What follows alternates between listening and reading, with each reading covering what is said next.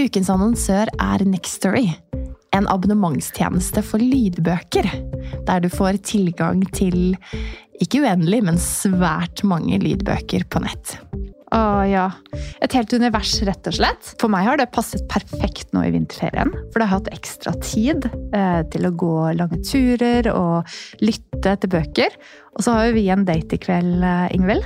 Eh, vi skal på teater og se Anna Karenina. Så da bestemte jeg meg for å bruke Next Story for å lese gjennom den på nytt. Og det er bare helt fantastisk roman fra 1870-tallets Russland som jeg anbefaler alle å utforske, fordi den er like aktuell nå i 2024 som eh, den gang den ble skrevet. Men det er jo så fint, da, ikke sant? Og uavhengig av om eh, man har vinterferie eller mer tid til overs, så har man også disse små lommene i hverdagen. Du kan ha boken på øret, og du kan brette tøy, eller du kan sette på en klesvask, en oppvask, whatever og dykke inn i dette universet. Og det er jo det som er så fint. I, eh, I, tillegg, da, når uh, disse små dine kommer med den samme boken for 15. gang, Ingvild, og spør ja. mamma kan du lese denne, så er selvfølgelig det veldig hyggelig, men det kan også være eh, vel så hyggelig å, å få eh, boken servert fra noen andre, så kan man lytte sammen. Eh, vi har hørt mye på Albert Aabergs lydbøkene i Nextory, for det er et univers som både min femåring og min toåring elsker.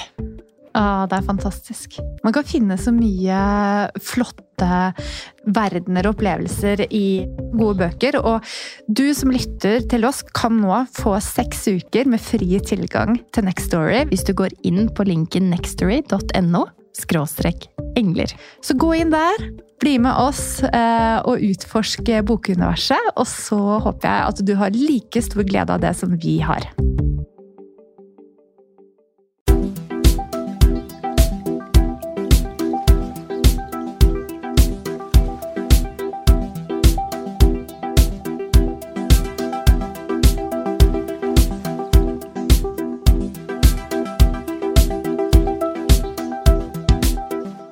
Velkommen til Engler og hormoner. Inspirasjon og ny kunnskap om helse, selvutvikling og livsstil.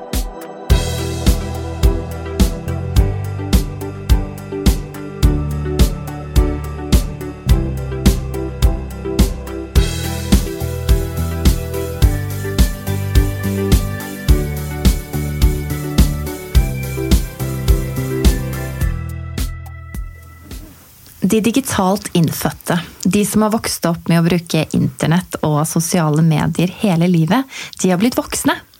Og dagens gjest har skrevet som følger. Jeg skal ta verden med storm, og ikke være redd for å følge drømmene mine. For jeg kan, jeg vil, og jeg skal. Med sin uredde stemme og ved å være sykt ærlig, er det nettopp det du har gjort, Martine Halvorsen. Du har hele verden for dine føtter innenfor bare et par tastetrykk. Og det har du også hatt hele livet. Du er det vi kan kalle for en influenser, og egentlig ganske stor en også. Hvordan er det? Oi, det, det er litt skummelt. Ja. er, jeg skvetter litt hver gang eh, enten noen spør meg hva jeg jobber med, eller eh, kaller meg eller sier f.eks.: 'Å, der er hun bloggeren'. Mm. Eller eh, ja, Martine er jo sånn influenser, og jeg bare hæ?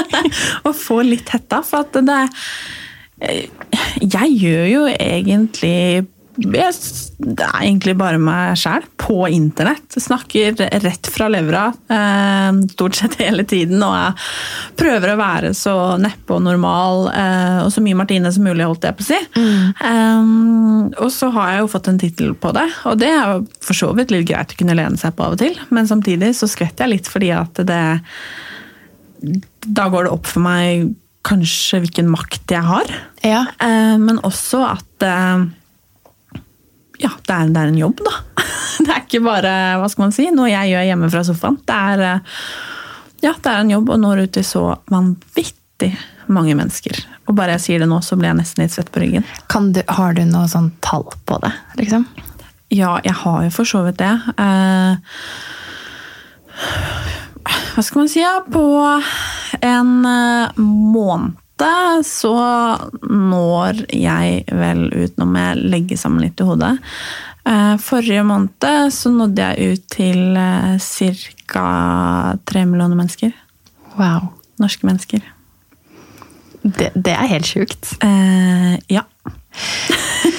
Og så er det jo litt sånn For oss da, som er litt eldre enn deg, eh, som ikke har hatt uh, digitale medier og smarttelefon hele livet, uh, så har vi et annet brukermønster. Det er i hvert fall det forskningen sier. Og, så for din generasjon så er det ikke bare det at du når frem til alle, mange, men brukermønsteret i din gruppe gjør at de henter veldig mye informasjon fra nettet. På en annen måte enn det vi gjør. Mm. Sånn at det du sier, det har også så utrolig stor gjennomslagskraft i enkelte grupper. Mm. Og det merker jeg jo selv òg. Og jeg, eh, jeg, var i et møte før jeg kom hit, og da snakka vi litt om det at eh, jeg, jeg føler meg så midt imellom. For at jeg kan venne meg til de voksne. Eh, jeg ser ikke på meg selv som voksen helt ennå, selv om jeg på papiret er det. Og, og, så lytter de til meg på mm. sosiale medier. Mm. Og så kan jeg på en måte snu meg andre veien og snakke til de som er yngre enn meg. Og så lytter de også. Og det, det også er jo litt sprøtt. Jeg hadde jo aldri trodd at eh, For det første så hadde jeg ikke trodd at det var titusenvis av mennesker hver eneste dag som skulle på en måte bry seg om hva jeg sier og mener. Eh, og engasjere seg i det og la seg inspirere, ikke minst. Men at det også er er store og små. Og ja, og akkurat det du sier med dette brukermønsteret, det merker jo jeg veldig også. Eh, som jobber med det og har veldig innsikt i det. Mm. Og jeg er ikke noen forsker, for å si det sånn, men eh, det stemmer. Ja, ja, Du kan bekrefte det? Jeg kan bekrefte det. Det er jo eh, mange som, som, har en utfordring med å kommunisere på tvers av generasjoner, men der står du altså i midten og har knukket koden litt. Ja, eller Jeg vet ikke om jeg Ja, vi kan godt kalle det det, men jeg føler på en måte selv at jeg bare sier det sånn som det er. Mm. Det er sjelden jeg tenker at eh, nå skal jeg treffe den eller den. Og det er det som er litt kult med sosiale medier. at det på en måte er ikke noe Du går ikke inn i et rom der det sitter mennesker som er 40 år, liksom. Det er alle slags mulige mennesker i aldre, fargefasonger og det som er. Og men noen ting slår an blant de som er eldre, og noen ting slår an blant de som er yngre. Mm. Tenker du selv eh, at du gjennom din reise kan være en viktig rollemodell for de som er yngre, i og med at du nå har en del erfaringer om hva som kan skje online? Jeg håper det. Um, samtidig igjen så er det litt den, der, den makten det er å være et forbilde og på en måte en rollemodell. Og det er på en måte en makt jeg tar på det største alvor. Uh, virkelig. Men uh, ja, jeg håper det. Og det er klart en del av de erfaringene jeg har fått gjennom sosiale medier, er erfaringer jeg håper at de fleste kan uh, unngå. For det er ikke alt som er like kult med sosiale medier. Det er innmari mye som er bra. Eh, men eh, så er det en del som, eh, som er kjipt òg, som jeg har fått kjenne på. Og jeg har snakka en del om det, både i boka mi og når jeg holdt foredrag og sånn. Og det er klart det er ganske heftig når uh, unge mennesker uh, Nå er jeg kanskje et ungt menneske, jeg òg, men når f.eks. de som går på videregående nå, eller ungdomsskolen, kommer bort til meg og sier at de har opplevd noe av det samme som meg. Og at ja. de på en måte har brukt den, det jeg har delt, til å komme seg gjennom det. Mm. Og at det at jeg har delt, har gjort at de ikke har følt seg så alene om å stå i det. Og det er kanskje noe av det heftigste jeg hører. da. Ja. At jeg har gjort så noen ikke føler seg alene. For jeg har følt meg fryktelig mye alene eh, når jeg Uh, altså i mine ungdomsår, da. Mm. Uh, så det syns jeg er ganske, ganske kult. Det er uh, psykologisk veldig interessant for deg som kommer fra den generasjonen du gjør, fordi det finnes ikke Eller det fantes ikke noen brukermanual på hvordan man skal forholde seg til sosiale medier og det som skjer i kjølvannet når det har negative sider. Så der er jo du førstemann ut din generasjon, og uten å kunne ha noen erfaringer å støtte seg på, så kan i hvert fall de som kommer etter deg, mm. lære fra dine erfaringer. Mm. Og jeg merker veldig det at eh, hvis jeg f.eks. snakker med de jeg kaller voksne, liksom. da tenker jeg på mamma og pappa sin generasjon.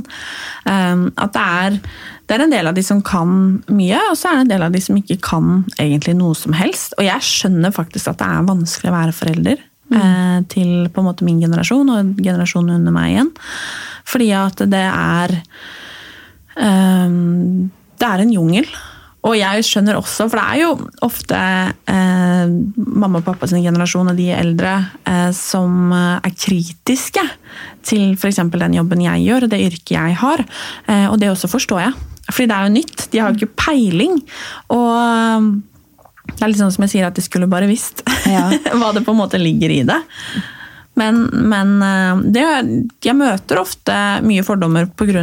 lite kunnskap. Eh, men også det at det er veldig mye uvitenhet. Og jeg også kan fortsatt oppleve det, eller jeg nå, jeg merker det nå, at eh, Søsteren min er 16, og jeg er veldig opptatt av å få med alt som skjer. For det må jeg pga. jobben min. Det som er kult for 16-åringene, er dødsviktig for meg, som nå er 22. Mm. Og det som er egentlig innen hos 10-åringene også, er viktig at jeg vet. Akkurat som det er viktig at jeg vet hva som er inn blant de som er 30. ikke sant? Um, og det er litt lettere å følge, på, følge, med på en måte oppover enn nedover. Men det hender at hun sier noe eller forteller om et nytt fenomen eller et eller annet som jeg bare Hæ? Dette her må jeg få med meg, for dette har jeg gått glipp av også. Ja. Uh, og det da kan jeg skjønne at de som på en måte egentlig ikke har noe med sosiale medier å gjøre, det hele tatt gjennom jobb eller noe som helst, at de føler seg ganske lost. altså. Og selv om vi hadde eh, spilt inn en episode med en psykiater, Melanie Ekholt, som eh, har forsket mye på dette her med digitale medier. Og hun, eh, hun sier jo det at den digitale kløften i dag er mye større enn for ti år siden mellom foreldre og barn. Og det skulle man kanskje ikke tro, da. Uh, skulle kanskje tenkt at ok, de som var foreldre når Facebook kom, der var det et større gap, liksom. Men i dag så er det mm. mye mer, da. Jeg tror kanskje det har noe med å gjøre Og igjen, jeg er ikke noe ekspert, jeg bare snakker ut fra egne erfaringer. Jeg tror kanskje at da var det på en måte Facebook. Nå er det så sykt mye mer. Og ikke for å skremme dagens foreldre, men det er fryktelig mye de går glipp av. Og det er lukteformer, det er altså, Mange foreldre sier jo det f.eks. at nei, vi skal være venner på, på Snapchat, for jeg skal få med meg hva du gjør på Snapchat. Eh, veldig mange foreldre vet ikke at man kan lage egne vlogger. Eh, TikTok er det det? Nei, eh, nei det, er, nei, det, er, det, noe annet egne vlogger, for man har My Story ikke sant, på Snapchat. Så kan man lage egne vlogger der man publiserer det. F.eks. My Storyene sine. Og der, der, kan man jo velge hvem som har lyst til å være med. Mm. Og der er jo ikke mamma og pappa, så de får jo ikke med seg hva som skjer. fordi du poster jo ingenting på My Story, for det er jo helt dust. ikke sant? Men på, på disse vloggene, som mamma og pappa ikke vet at eksisterer engang, der skjer det. ikke sant? Og der kommuniserer man for mamma og pappa. Vi får ikke med seg disse kommentarene og tilbakemeldingene. Og det er jo akkurat samme på Instagram. At man har én konto, og så har man en privat konto som mamma og pappa ikke vet om. Så det er det er en jungel. Og det er eh, Jeg skjønner at det er en del som drar seg i, eh, i fletta, holdt jeg på å si. Ikke skjønner noe som helst. Eh, fordi det er Og man Det er jo en grunn til å få grå hår, holdt jeg på å si. Fordi det er, man har ikke Hva skal man si? Det er når man hører disse tingene, så tenker man jo kanskje herregud, nei, ungen min skal ikke være her, og nei, nei, nei, dette her syns jeg ikke noe om, og nei, og dette må vi sette oss ned og prate om. Men jeg tror kanskje vi er i en sånn her, eh, gap, da. Eh, som, som dere nevnte, at det, det er, det er liksom ta og føle på-stemning. Man må finne litt ut av ting. Og det er klart, alle dagens barn er jo på sosiale medier. Alle har jo en smarttelefon. Mm. Det er en måte å kommunisere på som man også kjenner på som forelder. Det kan jeg si, for jeg har en tiåring. Eh, at det er sosialt viktig også å være der. Og mm. det er jo slik verden har blitt. Mm. Så det kan ikke jeg endre alene. Nei, vi kan like det eller ikke like det, mm. men det er som du sier, det er en sosial verden, og er du ikke der, så, så henger du ikke med. For det er jo ingen som, som vil at barna sine ikke skal henge med. Hva ville du gitt som råd til en forelder der barna begynner å bevege seg ut i en digital verden? Hva, har du noen punkter som man kan ta med seg som er viktig å reflektere over? Ja, eh, jeg har jo det. Og egentlig så er kanskje mitt beste råd at foreldrene må være litt tolerante. At de må være, For jeg tror veldig mange foreldre blir veldig sånn nei, nei, nei, nei. nei. Uh, og jeg tror at det gjør at de går glipp av veldig mye. At de blir holdt utenfor. Fordi det er lett å holde mamma og pappa utenfor på sosiale medier. Det er null stress å ikke få med seg hva som skjer.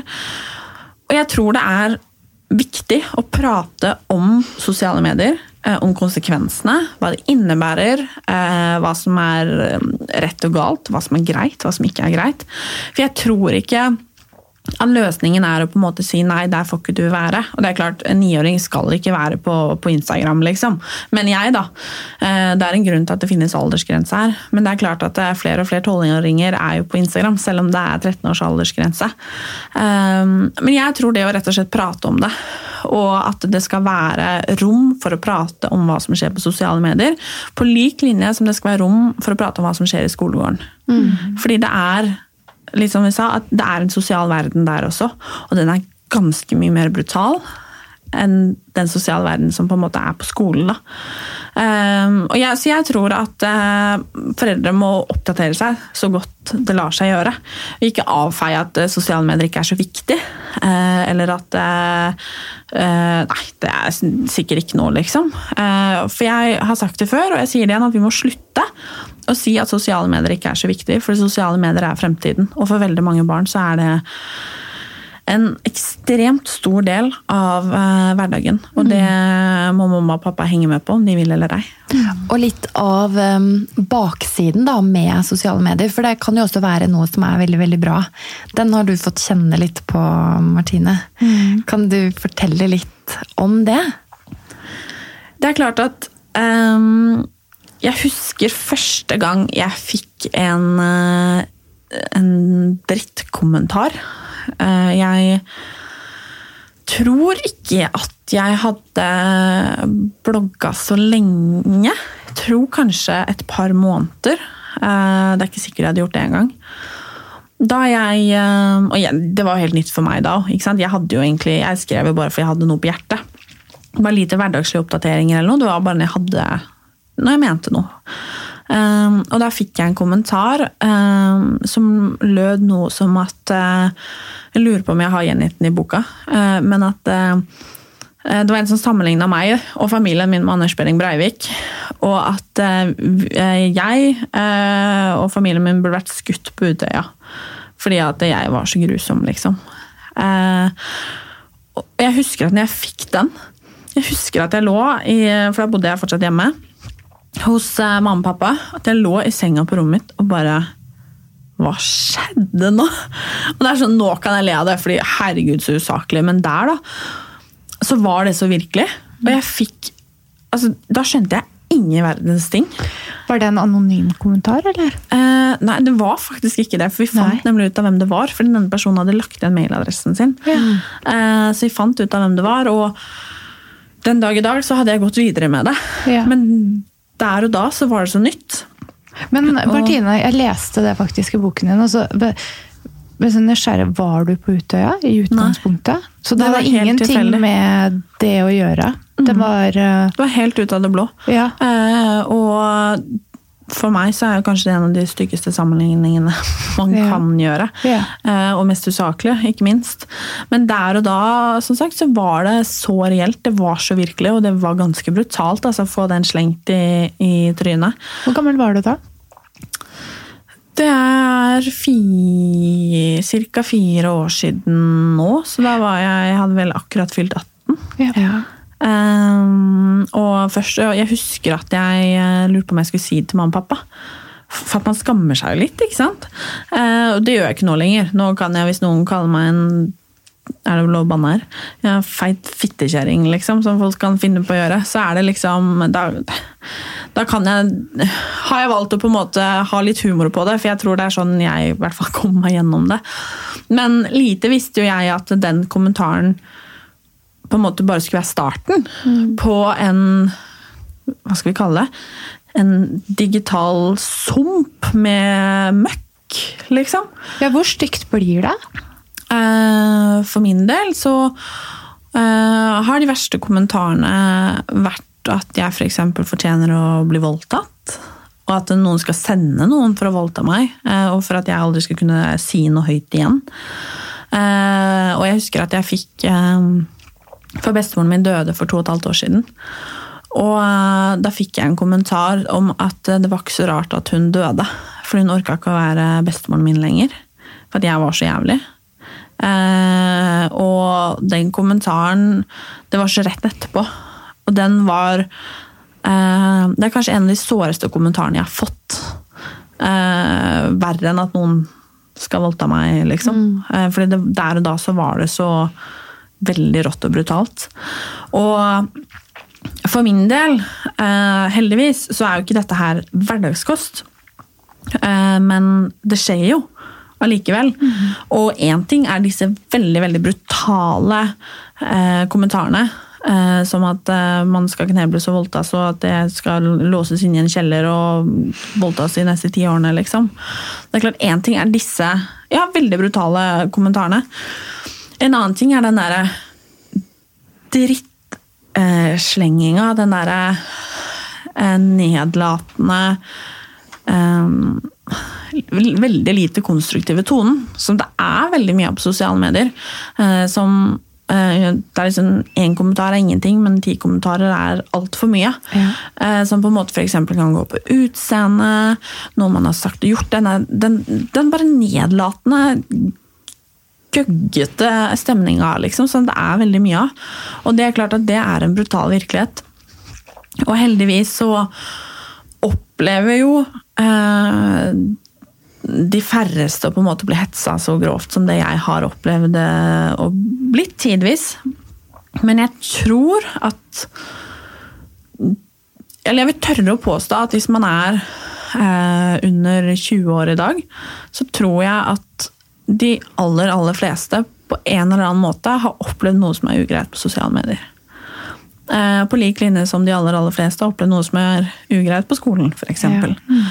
Eh, I form av en drittkommentar, utestenging. ikke sant? For dette her skjer på sosiale medier også, og jeg opplever det selv veldig ofte. Eh, og kommuniserer jo med mennesker hver eneste dag som forteller meg om disse tingene her. Og det er klart at det, bare nå er jo ikke dette hets, men bare det å sitte hjemme i sofakroken på en fredagskveld og si at alle jentene i klassen er i en bursdag som ikke du har hørt om engang, mm. fordi du får det slengt i trynet på Snapchat, det er ganske brutalt. Mm. Um, og så kan man godt si at ja, ja, samme det og alt dette her, liksom. Men når du sitter der, så er det ganske brutalt. Jeg har opplevd det selv. Og det er klart at det, den utestengingen som vi alltid har vært gode på eh, For det er jo ikke noe nytt at utestenging skjer, men den har jo blitt mye mer tydelig og mye mer brutal eh, med sosiale medier. Og det er en del sånne ting som jeg tror at veldig veldig mange unge mennesker har opplevd på en eller annen måte. Eh, og alle har i hvert fall vært vitne til det. på en eller annen måte. Hva tenker du at man skal gjøre da, dersom man opplever, opplever dette, enten i form av hets eller disse negative kommentarene? Har man noen rettigheter da på sosiale medier? Eller er liksom altfor lite regulert rundt det? Jeg skulle veldig gjerne sagt at Um, nå må jeg passe litt på hvordan jeg ordlegger meg, for akkurat dette her er jeg litt eh, engasjert i. For jeg har jo anmeldt noen saker selv, uh, og alt har blitt henlagt.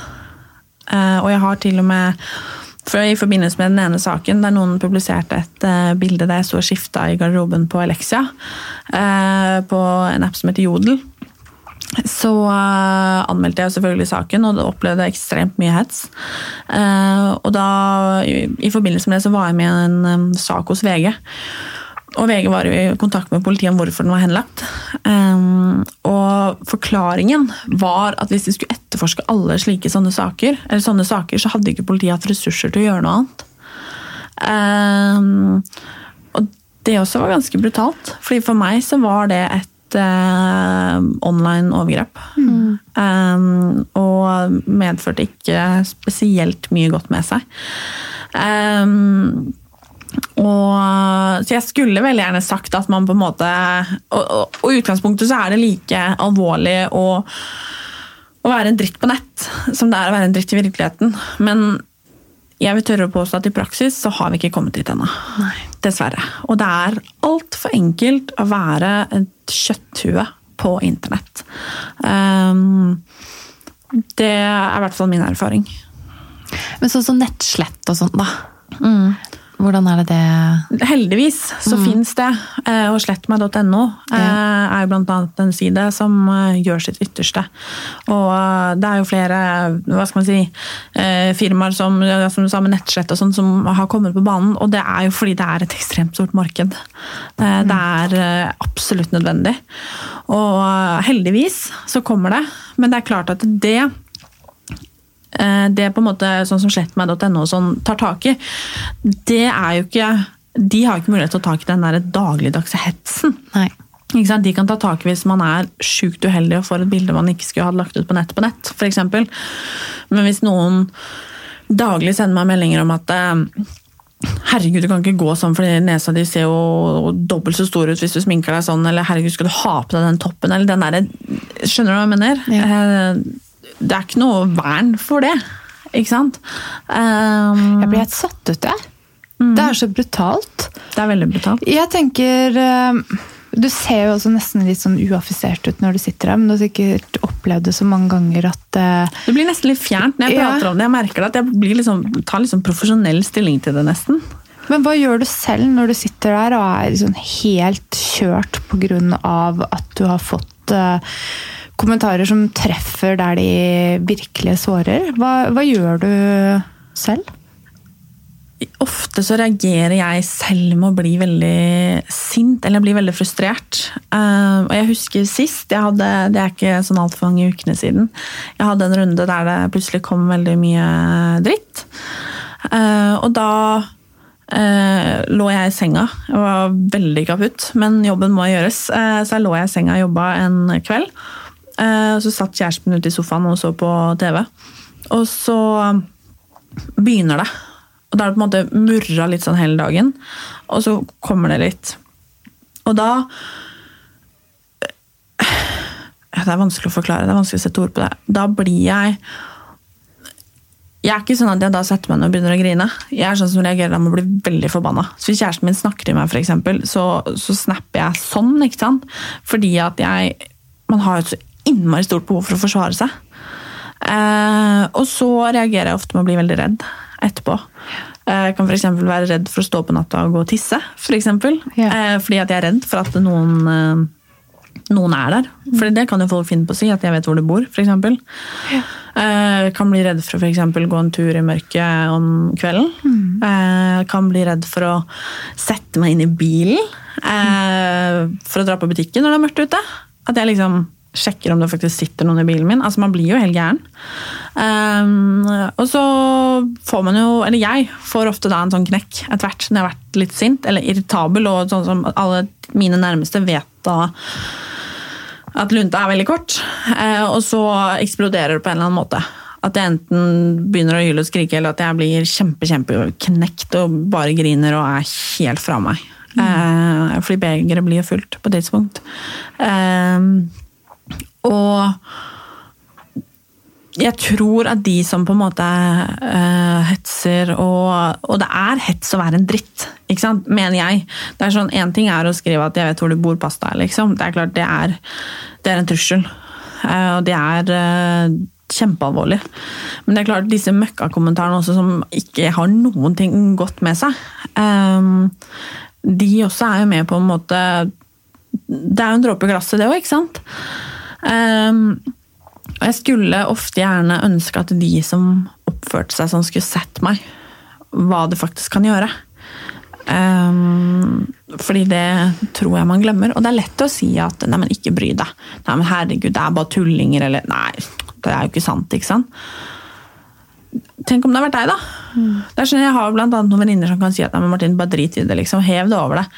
Det er ikke så lett. Skjønner det. Det er liksom, skal du si, og det er sånn, Noen dager så er det sånn åh, orker ikke å bry meg. ikke sant? Men jeg har jo blitt mer rusta, jeg har blitt tøffere, og jeg står jo i det. ikke sant? Og jeg fortsetter jo å mene, og, det er mest i prinsipp at ikke søren at noen skal få meg til å tie, liksom. Eh, fordi at jeg er uenig. Og jeg skjønner det, jeg har merka det. Det er fryktelig mange som syns det er irriterende at en ung blond jente mener og har noe på hjertet, liksom. Og der blir jeg litt sånn selvfølgelig skal jeg mene igjen og igjen og igjen. Eh, for det er ingen som skal få meg til å tie. Mm. En annen ting med sosiale medier, nå har jeg vært innom dette her med hets og negative snakk, så er det dette her med den illusjonen om at alt er perfekt. Eh, og det idealet vårt er ikke det som er normalt. Hvordan vil du råde foreldre til liksom, Hvordan skal vi gå fram der? Ironisk nok så syns jeg kanskje ofte at eh, det er foreldrene som er mest opptatt av å være perfekte ja. på sosiale medier. Man skal legge ut dette perfekte familiebildet når man er på ferie, når alle egentlig har sol og svette på ryggen og ingen har lyst til å ta bilde, egentlig. Eh, kanskje noen som kjenner seg igjen. Eller at man liksom man har krangla om at uh, hvor mye klær man skal ha på seg før man skal ut på skitur, liksom, og mamma har glemt bollene i ovnen, og, og, pappa prater i telefonen for han må det, liksom. Eller altså et eller annet, og så skal man ta dette, den veldig glade familieselfien og hvor perfekt alt er, og så er egentlig alle småirriterte og sure og gnagsår på beina beina, liksom. Um, jeg tror ikke at foreldre akkurat er med på å gjøre saken så veldig mye bedre. for å være poeng. helt ærlig. Godt poeng. Jeg tror alle kan kjenne seg igjen i det. Det gjelder jo ikke bare unge. Nei, eh, og i utgangspunktet så Nå er jo jeg veldig ærlig på sosiale medier og legger ut at jeg både griner og er sjuk og hva det nå skulle være. på en måte. Eh, men det er viktig for meg. Fordi at eh, jeg er ikke uh, perfekt. Jeg har ikke lyst til å være med på den der regla om altså den der filtrerte bobla. da. Um, og jeg også syns det er gøy å legge ut fine bilder. Uh, absolutt. Men for meg er det viktig å vise fram alle sidene av livet. Helt ufiltrert og ærlig. Og som sagt så sier jeg ikke det at mannen i gata trenger å gjøre det, på en måte. men jeg tror at det er også det er ekstremt viktig å huske på at sosiale medier ikke er fasiten. og selv om jeg lever av sosiale medier og deler veldig mye av mitt eget liv, så er det jo bare en prosentandel i løpet av en dag. Ikke sant? Det er ingen som, uh, som ser meg i løpet av en hel dag, hvis du skjønner hva jeg mener. Og, det er jo mye jeg ikke snakker om også. Uh, og det er klart at det, hvis man legger ut en perfekt selfie, så er det ofte 100 som ikke blir lagt ut, ikke sant? Det er jo eh, noe du skriver i boken din der eh, om Girl Next Door. At eh, før så kunne man sammenligne seg med den pene jenta i nabolaget. Men du så henne, og du visste at eh, hun var ikke perfekt i alle vinkler. Men nå eh, så er det da den filtrerte, retusjerte eh, og den endimensjonale eh, som du ser på sosiale medier. Eh, så en helt annen hverdag av hva som er idealet. Mm. Ja, og det er klart at eh, nå er det bare ett eh, tastetrykk, holdt jeg på å si, eller én, to, tre, så er jeg inne på Instagram. og uh, der er det en filtrert og perfekt uh, virkelighet som møter meg. Og ikke bare fordi at jeg har valgt å på en måte oppsøke de som gi meg det jeg ønsker. Og det er et godt tips generelt. å slutte å følge de som gir deg en klump i magen, liksom. Selv om det ikke bare er lett. Men jeg tror man gjør seg selv en tjeneste hvis man klarer det. Uh, man savner det ikke, i hvert fall. Mm. Um, men overalt hvor vi er, så florerer det av perf perfeksjonisme. Da. Altså disse filterne, og det er ikke uvanlig å fikse litt her, fikse litt der, retusjere litt der. og det er klart Alle bildene jeg også legger ut, er jo stort sett med filter. og det er jo fordi at eh, Ikke på bloggen, der er jeg ofte veldig sammen på Instagram, eksempel, og det er jo fordi at man skal få fram uansett hvordan det er med farger og tjoei. ikke sant? Og det er så innmari viktig å huske på disse tingene. At uh, livet mitt er ikke Instagram, for å si det sånn. Og det er klart at uh, ja, jeg tror det bare er så sjukt viktig å huske på sosiale medier ikke er livet. At det er ikke det man skal sammenligne seg med. Da tror jeg man blir gæren. Men du har jo skrevet litt om eh, hvordan det innledningsvis startet på sosiale medier med deg. Mm. Eh, og hvordan du slettet et bikinibilde. Eh, som plutselig ikke føltes riktig å ha der lenger. Mm. Og der, der er det jo noe med hvilke sannheter vi opplever om vår egen kropp. Mm. Når vi ser den i lys av andre eller i kontekst av hvor du virkelig er, da. Mm. Har du noen tanker rundt den reisen du har tatt? For her har det jo vært en utvikling, Martine. Ekstremt. Ja. Og det er fortsatt en utvikling her, for å si det sånn. Og jeg mm. får jo ofte spørsmål fra, fra unge jenter som spør, og for så vidt eldre òg, som spør hvordan har du klart å komme dit du er nå? At du tør å legge ut bilde av magen din på Instagram, liksom. Eh, hvordan klarer du å slutte å bry deg? Eller elsker deg selv. Hvordan elsker du deg selv? Og så er det liksom, jeg, jeg, ikke, jeg sitter ikke her og tenker 'gud, som jeg elsker meg selv her jeg sitter nå', liksom. Eller, og det er klart, Skulle jeg valgt ut ti ting, så hadde jeg lett klart å gjort det nå også. Så for, for meg så er jo ikke det at jeg er ikke målt på noen som helst måte. Men jeg, jeg har en sånn regel for meg selv, og det er at jeg har ikke lyst til å kaste bort mer tid enn jeg på en måte må. holdt jeg På å si, på ikke ha det eller være fornøyd med meg sjøl. Så er det litt sånn Nå har det seg sånn at låra mine de ser ut sånn som de gjør. Da kan jeg enten eh, akseptere det, eller så kan jeg gå rundt og ikke ha det spesielt ålreit pga. det. Og det er på en måte noe jeg har lært meg fordi at jeg har brukt innmari mye tid på å være misfornøyd med ting. Eh, sånn som jeg også beskriver i boka. Og jeg tror alle jeg har i hvert fall gjort det ofte. Um, kan se tilbake på et gammelt bilde av seg selv for eksempel, og tenke at 'å, herregud, så pen jeg var der', liksom. Eller mm. 'oi'. Tenke at jeg var misfornøyd med kroppen min da. Uh, det har i hvert fall jeg har gjort mange ganger. Det tror jeg alle kan kjenne ja, altså bare sånn, Shit, hvordan jeg så ut der. Um, og jeg tror at det handler om at man er ikke For det første så er man ikke et før- og etterbilde. Uh, det er ganske mye mellom, og ganske mye før og ganske mye etter. Og jeg tror det handler om at litt sånn som du sier med lys av på en måte, Eller hvordan man ser ut i lys av andre, eller hva du sa. Eh, dette med at hvordan man har det, eller hva man tenker, er egentlig det som definerer hvordan vi ser oss selv også. Eh, fordi at jeg tenkte jo akkurat de samme tankene da som det jeg kanskje gjør nå. ikke sant? Selv om jeg ser helt annerledes ut. Eh, og jeg har tenkt mange ganger og kan fortsatt tenke faen at ikke jeg bare var fornøyd. da. Hvorfor klarte jeg ikke å holde på den formen der? liksom? Ikke sant? Jeg tror det er så sykt vanlig. Men jeg syns du har kommet langt, Martine. Du er 22. Mm. Jeg som tenker du har mange år der du kan se tilbake på hvor flott du er oh, foran deg. Men eh, jeg må tenke, et relevant spørsmål tenker jeg her er Hva er poenget med å ta bilde av magen sin og legge ut på Instagram? Hvilken statement er det vi har her? For det, det, jeg tror det er ganske mange som ikke forstår poenget med å gjøre det i det hele tatt. Hva mm. betyr det? For Altså, jeg har generelt sett et litt sånn ambivalent forhold, eh, litt sånn annenhver dag, eh, på dette med kropp. Eh, jeg er ikke nødvendigvis sikker på at det blir mindre kroppsfokus på å prate mye om kropp. Mm. men for min del så er det eh, viktig fordi at jeg vil at det skal være rom for meg også. Fordi i en perfekt typisk Instagram-feed så har ikke jeg Jeg har ikke den kroppen. Eh, og det har uh, utrolig nok de færreste av oss. Og for meg så er det rett og slett altså For at igjen noen skal kunne sammenligne seg med meg også. Uh, fordi at jeg følger mange flere på Instagram som jeg ikke kan sammenligne meg med, enn som jeg kan sammenligne meg Eller som jeg på en måte føler at å, hun er jo litt sånn som meg. Mm. Og det er veldig fint å få den påminnelsen, syns i hvert fall jeg. Og jeg gjør det for å være helt ærlig, like mye for meg sjæl. Mm. Fordi at jeg, jeg, trenger å høre det. Uh, og det pleier jeg ofte å si. I dag så trenger jeg faktisk å minne meg sjæl på at jeg har lov. Jeg er nok. ikke sant? Jeg, det er greit å se det sånn som jeg gjør også. Og, men som sagt så har jeg litt sånn jeg, jeg tror ikke det skal bli for mye av det heller. Men på lik linje som at uh, jeg har en venninne som er superfit, liksom, som legger ut eh, bikinibilde, så syns jeg at jeg også skal få lov til å gjøre det samme. Og da er vi inne på dette at alle kropper er like mye verdt. Mm. Eh, kroppspositivisme. Som eh, ja har blitt hyllet, og selvfølgelig går som en farsott og jeg legger meg til at veldig mange er opptatt av sånn etter man har fått barn, f.eks. Mm. Så er det kjempepopulært med disse kontoene som virker, eh, viser den ekte mammakroppen.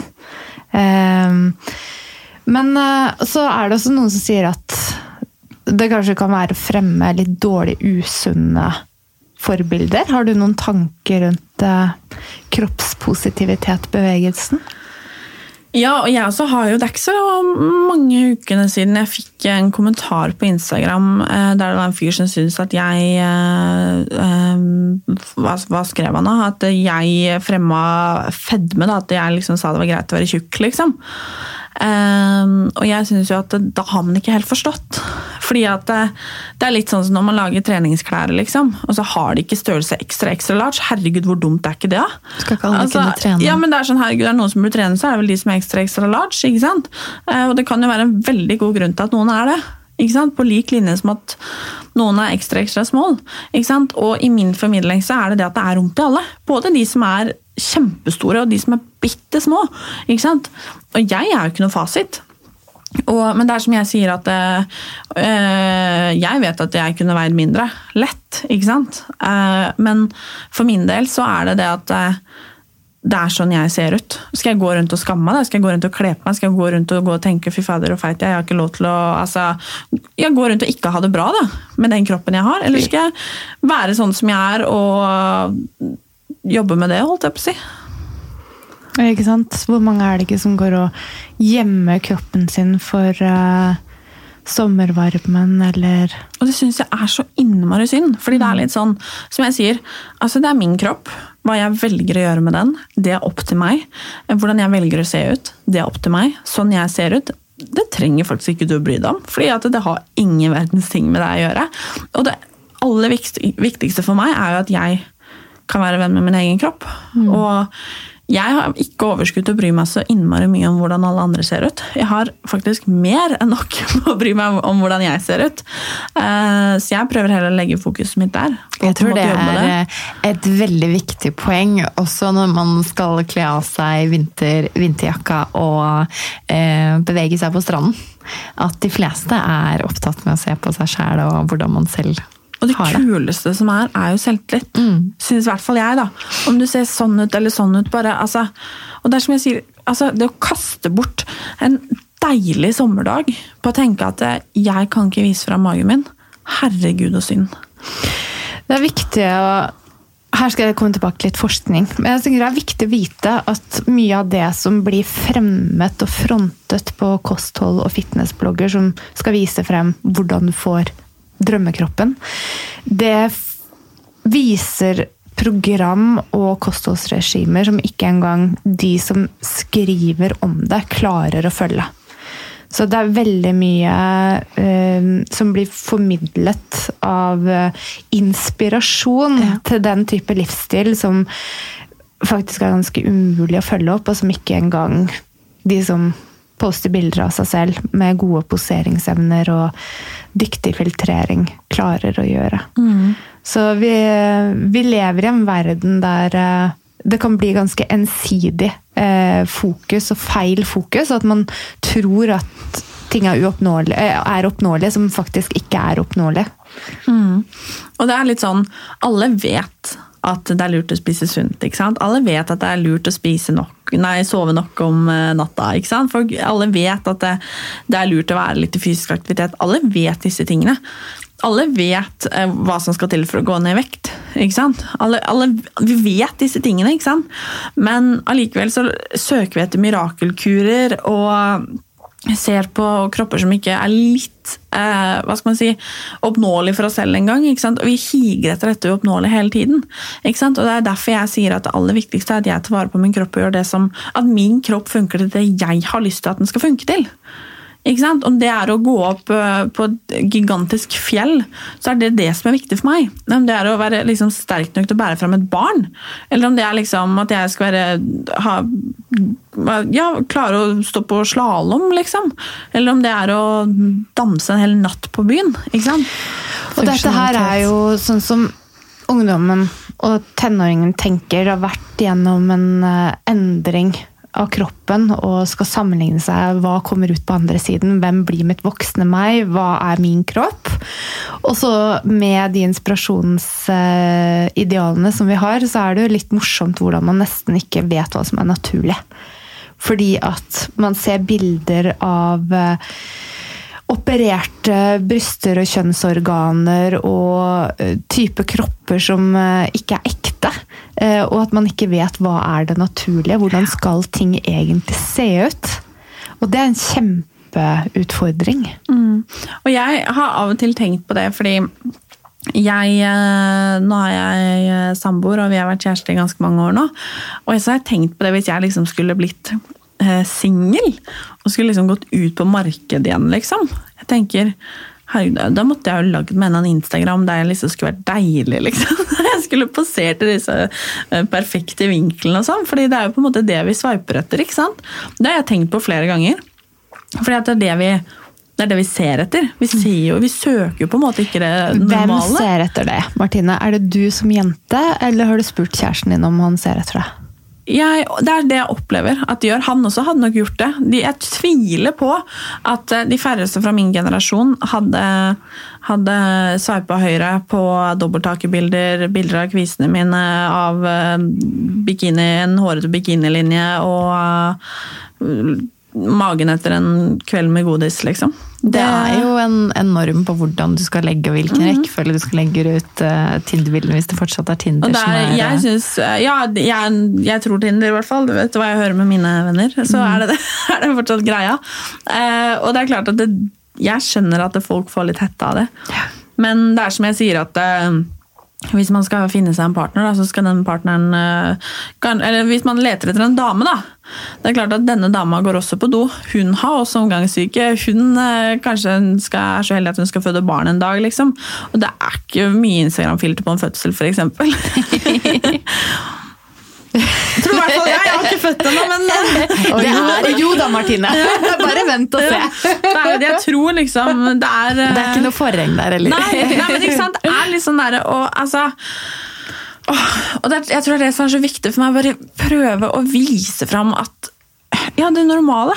Ja. Det er sykt normale, liksom. Og det, noen dager er man dritfin og styler seg opp, og andre dager så sitter man med en dott på hodet, treningstights og hårete legger, sånn som jeg gjør nå.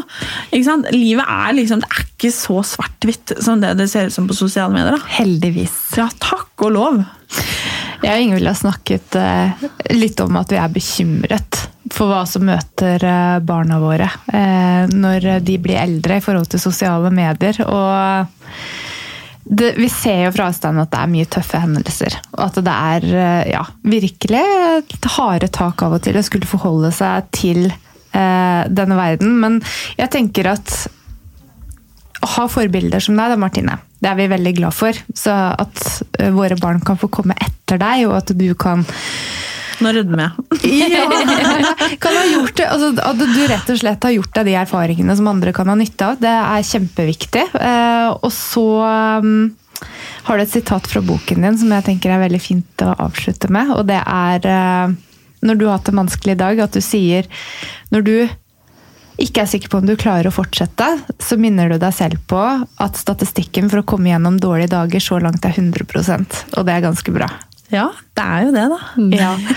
Og um, for ungdoms psykiske helse uh, En av de tingene jeg husker best nå fra i dag allerede, det er beskrivelsen din av hva som kan skje i den digitale verden mens man i fysisk verden kanskje er i samme hus, og ungdommen sitter alene på et rom.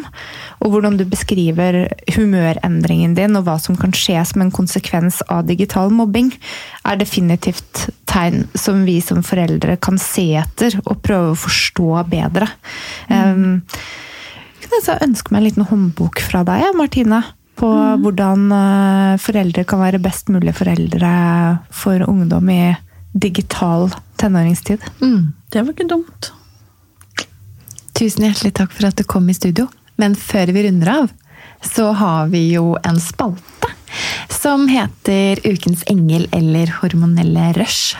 Har du Tar man enten-eller? Eh, du kan ta begge deler hvis du vil. Skal jeg ta Ukens engel, da? Mm. Um, hmm, hva skal jeg velge? Uh, jeg har nemlig et par, skjønner du. Sånn, og det er ganske bra. Ja. Det, men uh, er det lov å velge samboeren min? Selvfølgelig. Fordi at når jeg kom hjem her om dagen, han er sånn som når han tenner stearinlys og må skifte stearinlys, så setter han stearinlysene bak lysene, for han ikke orker å gå og kaste det. ikke sant? Tar det etterpå. ikke sant? Han er en sånn en, da. Eh, og her om dagen jeg kom hjem, har han tatt ned fra eh, tørkestativet, vaska over kjøkkenet, støvsugd, redd opp senga. Og da tenkte jeg takk og lov. Fy fader, du er en engel. Ja. Det var nydelig. ja. Da begynner man å bli voksen, da. Når man setter pris Ja, man på sånn. faktisk det, men jeg kjenner meg veldig igjen. Det er det deiligste. Ja, men det er, det er drit i blomster og sjokolade. Bare hjelp meg, liksom. Eller, altså, og det, vi er ganske likestilte hjemme, men det er sånn når man har hatt en lang dag, når man er sliten, man kommer hjem, og så er liksom sånne små ting gjort. Åh, det er slitsomt. Og det var fra den ekte verden, Martine. Ja, det er akkurat det. Tatt rett ut! Det, Dessverre så er det ikke like redd hjemme nå. Mm. Sånn er det. Jeg tenker eh, For de av dere som vil lære mer om ungdom og digital hverdag og livet, rett og slett, følg Martine på hennes egen podkast Sykt ærlig. Og ikke minst din skarpe penn, som vi gleder oss til å høre mer fra. Tusen takk for at du kom i dag, Martine. Takk for at jeg fikk komme.